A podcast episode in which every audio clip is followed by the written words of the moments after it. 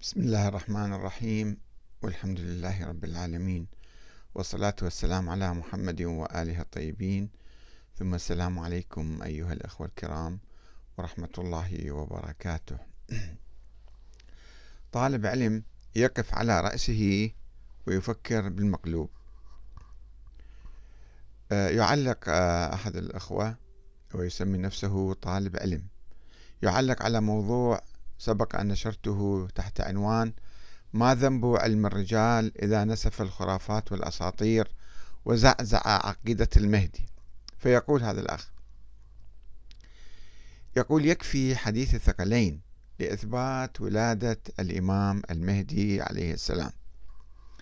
لأن النبي قال إني تارك فيكم الثقلين كتاب الله وعترتي وإنهما لن يفترقا حتى يرد علي الحوض ويخلي بين قوسين.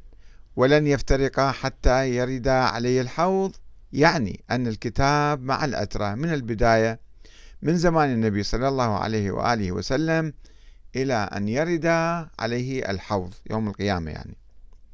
وهذا يدل على أن الأترة الطاهرة مستمرة مع الكتاب الكريم. وهذا الاستمرار لا يمكن توجيهه إلا بافتراض أن الإمام المهدي عليه السلام قد ولد. لاحظوا كلمته. يقول لا يمكن توجيهه إلا بافتراض أن الإمام المهدي عليه السلام قد ولد ولكنه غاب عن الأعين. إذ لو لم يكن مولودا وسوف يولد في المستقبل لافترق الكتاب عن الأسرة الطاهرة. وهذا تكذيب أستغفر الله للنبي. فهو يقول ولن يفترقا حتى يرد علي الحوض. هذا لازمه أن الأترة لها استمرار وبقاء مع الكتاب إلى أن يرد على النبي صلى الله عليه وآله وسلم وهذا لا يمكن توجيهه إلا بما قلت أن الإمام المهدي سلام الله عليه قد ولد ولكنه غائب وإلا يلزم الأخبار على يلزم الإخبار على خلاف الواقع. في الحقيقة هذا كلام قديم وليس كلام جديد بس الأخ هذا يدرس الآن طالب علم ويردد من دون تفكير عميق في الموضوع. وفي هذا الحديث عدة محطات للتوقف والتفكير والتأمل ولكن هكذا يراد أن آه، أن أن يؤلفوا مثلا قضايا معينة مع الأسف الشديد أيضا دلالة على تخلف العقل عند المسلمين عموما وعند الشيعة بالذات الشيعة الإمامية الاثنى عشرية الذين يفكرون بهذه الطريقة ويبنون مسائل دينية بهذه الطريقة الافتراضية. فقلت له أثار طبعا كلام كلامه عددا من التعليقات. قلت له إذا كنت طالب علم حقا فلا بد أن تفكر قليلا وتعرف وتعترف بأن هذا الاستدلال افتراضي وتعسفي ومقلوب. كما هو يقول هذا لا, بد أن نفترض. وقاله قال هذه الكلمة من قبل ألف سنة علماء ومؤسسو النظرية الاثنى عشرية الذين افترضوا وجود ولد الإمام العسكري رغم كل الأدلة التي تنفي ذلك. وكان عليك يا أخي العزيز يا طالب علم وكان عليك أن تتوقف لتبحث ولادة ذلك الشخص المفترض. وعندما تتأكد من عدم ولادته تقول بأن الحديث مكذوب على الرسول ولا صحة له أو يعني شيء آخر. إذا افترضنا صحته يعني مثلا واحد آخر العطرة بها ملايين الناس الآن ومئات الألوف كانوا في ذيك الأيام. لأن الواقع حسب تأويلك وتحليلك وتشخيصك الواقع يكذب هذا الحديث. لم يوجد ولد للإمام العسكري. هو قال ما عندي ولد. وأهل البيت قالوا لا يوجد له ولد. وعامة الشيعة وعامة المسلمين في ذلك الوقت قالوا لا يوجد له ولد. ولا يمكن أن يقول الرسول حديثا يخالف الواقع. أرجو منك فقط أن تقف على قدميك وليس على رأسك وتفكر بصورة صحيحة معقولة إلى متى تعيش في الوهم والخيال. آه، التعليقات اللي أدلى بها الأخوة الأعزاء يعني تباينت بين الحديث حول الإمام الثاني عشر وبين الكلام حول صحة الحديث متنا وسندا. فبعض الأخوة إجوا قال لا الحديث ثابت سندا. والحديث متواتر وصحيح مية بالمية ما في نقاش. طبعا هذا مو صحيح. ادعاءات فارغة بدون علم وبدون تحقيق. والبعض توقف عند معنى الحديث إذا صح والبعض قال أساسا هذا الحديث لم يصح. الأخ جاسم محمد الزيادي أو الزيادي قال ما الفائدة من علم الرجال؟ شوفوا هنا اللطافة. أساسا يجب أن نترك المنهج العلمي في التحقيق لكي نتشبث بالخرافات والأساطير ونجعلها دينا.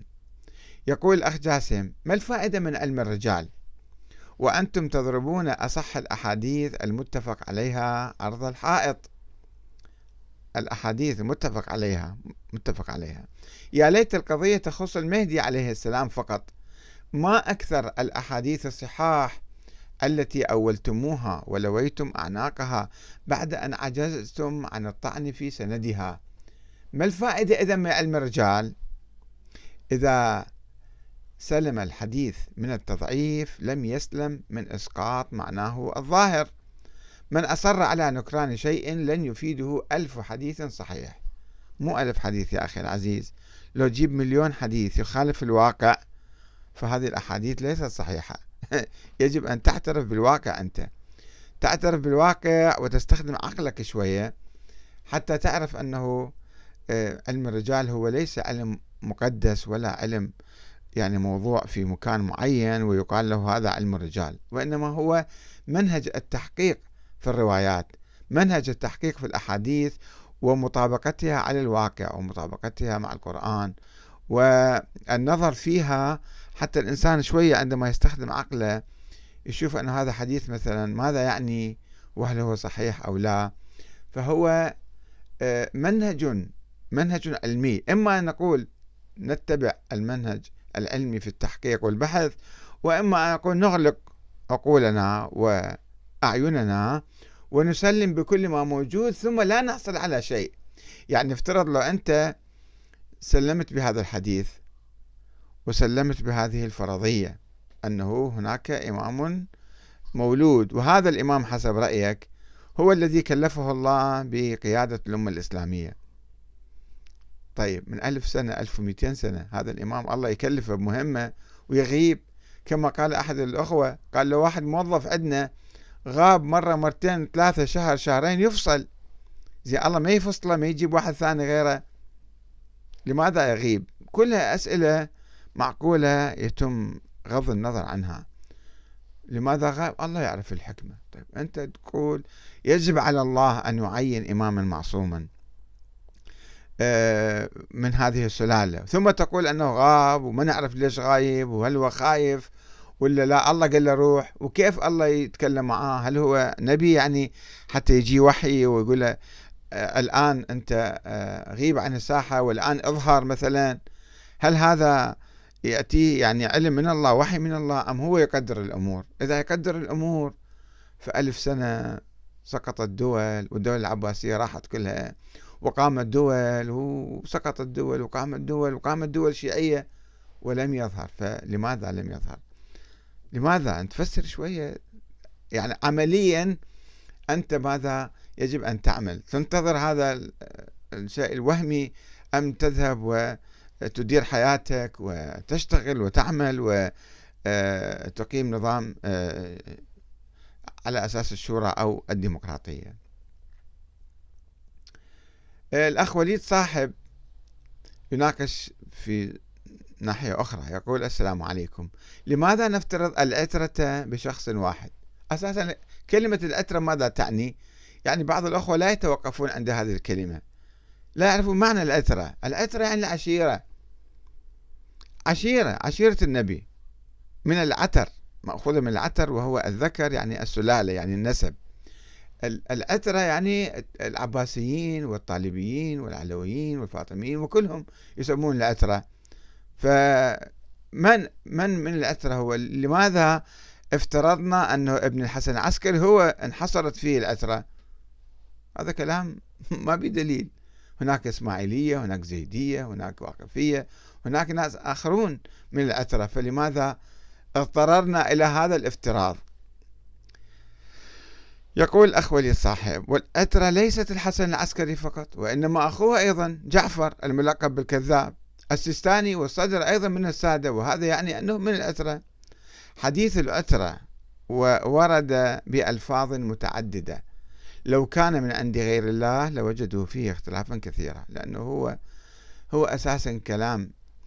أول من طرحه وتمسك به وبنى عليه شرعيته الدستورية هم العباسيون عندما قالوا ضد الأمويين أنه نحن الأسرى ونحن أحق بالحكم منكم. فصار هذا الحديث كأنه آية قرآنية كأنه متواتر كأنه ما في شك لا يأتيه الباطل من بين يديه ولا من خلفه. الأخ سلمان أحمد الأحمد يقول أسعد الله صباحكم بكل خير وصحة وسلامة. أستاذ أحمد الكاتب مشكلة المسلمين أو كل جميع الأديان والمذاهب والفرق والطوائف والعقائد تنحصر في التقليد والالتزام بالموروث والتسليم لها على علاتها.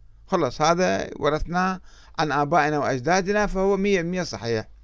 قليل هم من يتبعون الأدلة العقلية والعلمية وبالعكس إن الأغلبية يتبعون الأخبار النقلية والتقليدية.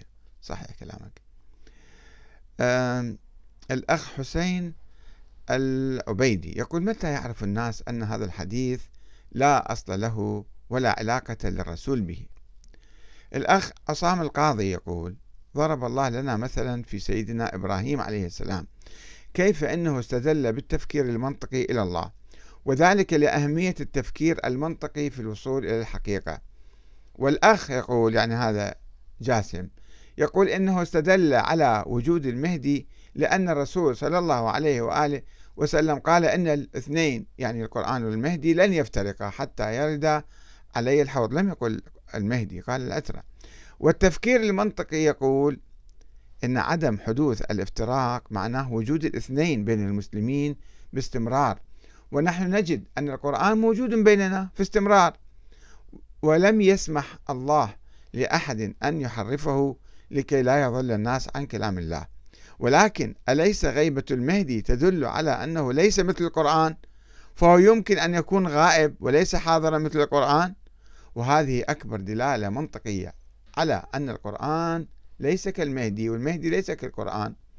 والتفكير المنطقي إذا كانوا الاثنين يجب أن يكونا معا موجودين حسب هذا الحديث اللي وحسب فهمهم إليه. والله تعالى حفظ القرآن فكان يجب إذن إذا كان الحديث صحيحا أن يعصم الله المهدي من شرور الناس كما عصم رسول الله من شرور الناس لكي يبلغ رسالته وهذا ما لم يحدث لحدوث الغيبة خوفا من شرور الناس. إذا الاستدلال بالتفكير المنطقي يؤكد عدم وجود المهدي لحدوث حالة الافتراق الذي أنكر حدوثها الحديث. لا يفترق. مما يعني أن متن الحديث نعتقد أنه لم ينقل لنا بشكل صحيح. هو نسخ عديدة وبعضها ما في أصلا كلمة.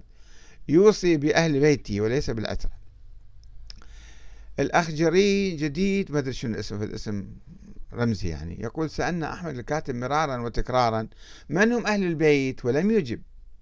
طبعا أجبنا في عدة محاضرات وعدة كتابات ولكن الأخ لم يطلع عليها فيتهمنا بعدم الإجابة.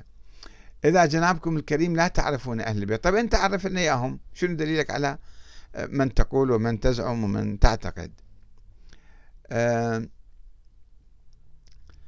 الأخ المسلم عبد الله العراقي يقول العجب كل العجب. من شخص يقول إن الدين هو القرآن والسنة وإذا جئته بأصح ما جاءنا من هذه السنة ضرب به عرض الجدار وضعفه بشكل غريب.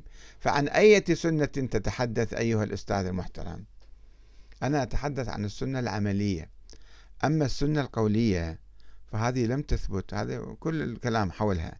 السنة القولية هذه أحاديث هذه أحاديث تنقسم إلى متواتر آه، صحيح وحسن وموثق وضعيف وشاذ وأصلا آه، غير صحيح. وعلماء السنة والشيعة قسموا هذه الأحاديث ولم يقبلوا كل ناقشوها المجتهدون يأخذون الأحاديث ويدرسونها من حيث السند والمتن ويقارنوها مع القرآن. فإذا أنت جبت فكرة ما موجودة بالقرآن أساسا. فكيف أنه القرآن أو هذه السنة أو هذا الحديث أكمل الدين؟ يعني الله يقول أكملت لكم دينكم وأتممت عليكم نعمتي ورضيت لكم الإسلام دينا. وما في بالإسلام أو بالقرآن حديث عن النظام السياسي والدستور ومن يحكم ومن لا يحكم وعلاقة الحاكم بالمحكومين. هذه كلها النظريات النظرية الإمامية مبتنية على آه، على شيء وهمي على أن الإسلام لديه نظام سياسي وهو ما موجود. اللطيف أنه إحنا وهؤلاء الأخوة الأعزاء الذين يحاولون آه، إثبات نظرية في الخيال فقط. ما له واقع. ما له واقع. حتى الشيعة الإمامية تخلوا عنها وراحوا للنظرية النقيضة لها والبديلة لها وهي نظرية الشورى والديمقراطية. فيقاتلون يعني يبذلون جهودا كثيرة حتى يتشبثوا ببعض الأحاديث لكي يصنعوا ويخلقوا نظرية سياسية دينية معينة وبالتالي عندما تفتح إيدك وتقول أين هذه النظرية؟ لا توجد مع ذلك لا حديث الثقلين صحيح و ويعني يبذلون كل الجهود حتى يثبتون هذا الحديث.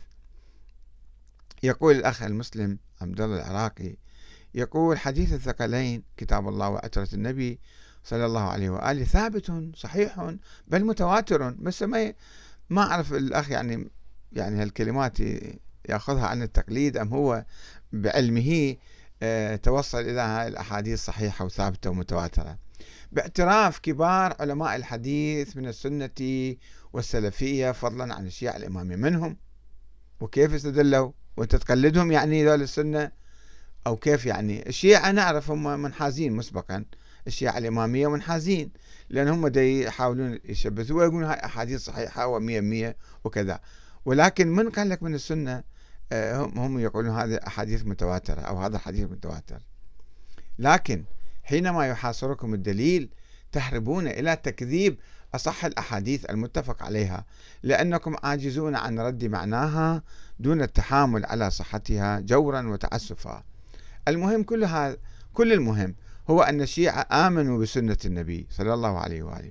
الصحيحة لأن الله قال وما أتاكم الرسول فخذوه ولا أدري ماذا آتانا الرسول غير سنته الصحيحة. الحديث مع القرآنيين عقيم وسقيم يريدون كل شيء مع القرآن الكريم وكأن كلام النبي صلى الله عليه وآله إذا صح فهو مجرد هجر. وهذيان. كما سماه ذلك الرجل الذي حرف الإسلام عن مساره القويم وطريقه المستقيم. يا أخي العزيز مو القرآنيين. عيبك من القرآنيين. أنت تعال على العقلاء. أنت آه، أخذ القرآن والعقل والواقع وأنظر ثمرة هذا الجدل مالك. هذا الجدل أنت ماذا تحصل آه، منه آه، على أي شيء؟ هل تحصل على إمام موجود يقودك الآن ويرشدك ويفسر لك القرآن ويبين لك الأحكام الشرعية و... أم أنت رايح باحث عن المراجع؟ المراجع لا معصومين ولا معينين من الله مجتهدين. فأنت أيضا اجتهد وعيش مثل ما عايشين الشيعة منذ ألف سنة حتى الآن. فالقصة ليست قصة أن نأخذ القرآن ونترك أحاديث النبي لأن هذه الأحاديث غير واقعية وغير صحيحة وغير متواترة. ومضمونها مرتبك و يعني سياسي ناس اختلقوه وأنت جاي يعني كلش متمسك بهذه السنة الوهمية. الأخ خالد سندي يقول لقد حققت هذا الحديث من كتب الشيعة فتبين أنه حديث ضعيف ومن ثم من قال أن أترة النبي صلى الله عليه وسلم هم سلالة الحسين فقط وبأي دليل يقولون ذلك. وكذلك اقتصار أترته على صلى الله عليه وسلم على المنتظر الموهوم أيضا يحتاج إلى دليل قوي.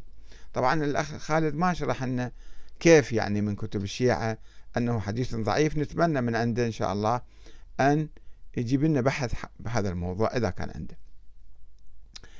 آه، الأخ آه، علاء العبيدي أيضا آه، يدخل بهذا الجدل. ويقول أحمد الكاتب نسف حديث الثقلين أو نسف حديث الثقلين وتكذيبه سوف يقودنا إلى تكذيب معظم أو جميع أحاديث الرسول.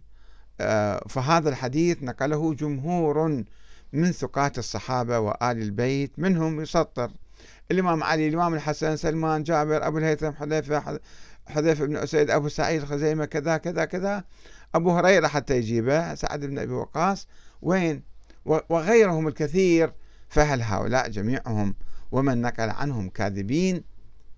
وتجد الحديث عند جميع الطوائف والمذاهب الإسلامية منها الكافي كمال الدين آه، آمال المفيد آمال الطوسي عيون أخبار الرضا غيبة النعماني سنن النسائي المعجم الكبير للطبراني سنن الترمذي المستدرك للحاكم النسابوري ومسند أحمد وغيرها من أمهات الكتب الإسلامية.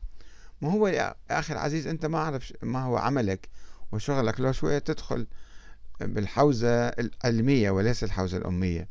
تروح تدرس شوية الأحاديث وتدرس الكتب الكتب اللي نقلتها معظمها شيعية ومعظمها من كتب يعني الأخبار الضعيفة يعني. آه، وأدرس الحديث سندا. لا تقول لي كل هذا الإمام علي والإمام كذا نقل. لا أحاديث ناس إجوا في القرن الرابع رتبوا أحاديث عن الإمام علي وعن الآخرين. يعني تأليف الأحاديث بكل سهولة كان يتم. يجي واحد ويقول قال رسول الله قال قال الله تعالى أيضا في أحاديث على الناس بها إلى الله تعالى وهي أحاديث غير صحيحة. فالمشكلة ليس في هالنظرة السطحية السريعة العامة من بعيد إنما عليك أن تدرس الحديث واحد واحد وشوف مصدره من وين ومتى اشتهر هذا الحديث؟ اشتهر به آه، العباسيون عندما استولوا على الكوفة وقالوا أن الحكم فينا. أن الله قال النبي قال آه، أني تارك فيكم الثقلين كتاب الله وعترتي. فإحنا لازم نحكم. إجوا الشيعة الإمامية قالوا لا مو عترتي. آه، عترتي ضاعت الشغلة. صارت عامة مو معروف منه. وإنما قالوا وأهل بيتي. أهل بيتي أيضا تسمى الحسنين والحسينين فأيضا ضيقوا بأحاديث أخرى أضافوها. قالوا لا مثلا آه هذه السلالة. طيب السلالة العلوية الحسينية. طيب ليش ما تروح على الإسماعيلية مثلا؟ لماذا الإسماعيلية يقول هذا الحديث؟ أيضا ينطبق علينا وبالتالي لا توجد في هذا الحديث دلالة على ولادة ولادة لو واحد موجود وتقولون هذا هو الإمام ممكن شيء معقول آه، معقول الكلام. أما شخص ما موجود ما مولود وكل الأدلة التاريخية والعلمية تنفي ولادته إحنا نجي نفترض ولادة ذلك الإنسان ثم نقول أنه هو المصداق الوحيد للأترة وأنه باقي وهو موجود ونكون بعدين عقيدة معينة تسمى الاثنى عشرية ونقاتل الناس عليها. لو تؤمنون بما نؤمن لو أنتم كفرتوا بالقرآن وكفرتوا بالسنة وكفرتوا بكل شيء. والسلام عليكم ورحمة الله وبركاته.